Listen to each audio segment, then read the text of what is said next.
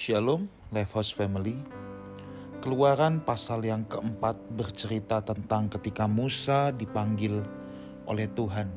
Saat itu Musa sedang dalam pelarian, saudaraku, di padang gurun karena ia membunuh orang Mesir yang menindas bangsa Israel. Saudara, ketika Tuhan memanggil Musa, ayat yang kedua, Tuhan berfirman kepadanya, "Apakah yang ada di tanganmu itu?" Jawab Musa, "Tongkat." Ayat yang ketiga, firman Tuhan, "Lemparkanlah itu ke tanah." Dan ketika dilemparkannya ke tanah, maka tongkat itu menjadi ular, sehingga Musa lari meninggalkannya. Tetapi firman Tuhan kepada Musa, "Ulurkanlah tanganmu dan peganglah ekornya." Musa mengulurkan tangannya, ditangkapnya ular itu, lalu menjadi tongkat di tangannya. Saudaraku, ketika Tuhan bertanya kepada Musa, "Apakah yang ada di tanganmu?" Saudaraku, Tuhan hendak memakai apa yang ada pada kita, bukan apa yang tidak ada pada kita. Tuhan tidak mencari orang yang punya skill yang luar biasa.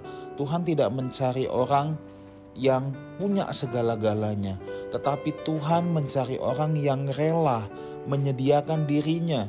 Tuhan mencari orang yang bersedia memberikan dirinya apa yang ada padanya dipakai oleh Tuhan. Ketika Tuhan bertanya sama Musa, Tuhan tidak berkata, "Oh, kamu cuma punya tongkat, aku cari yang punya pedang." Tidak, Tuhan mencari orang yang bersedia dipakai olehnya.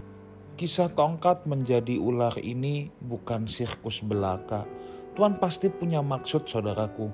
Di balik setiap tindakan-tindakan Tuhan pasti ada pelajaran yang hendak ia sampaikan.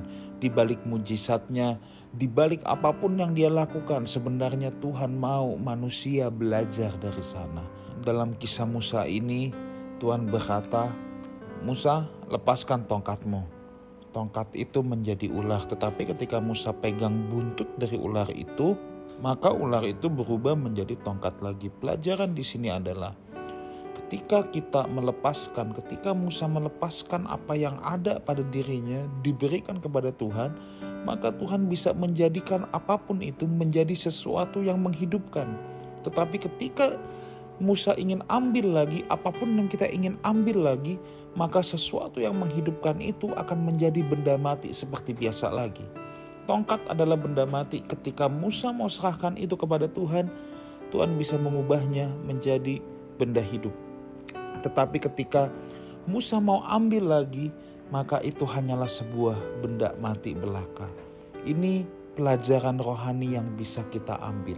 Ini hanyalah sebuah gambaran, sebuah perlambangan bahwa ketika kita mau menyerahkan segenap potensi kelebihan apa yang ada pada kita untuk dipakai Tuhan, maka apa yang ada pada kita itu bisa menjadi sesuatu yang menghidupkan.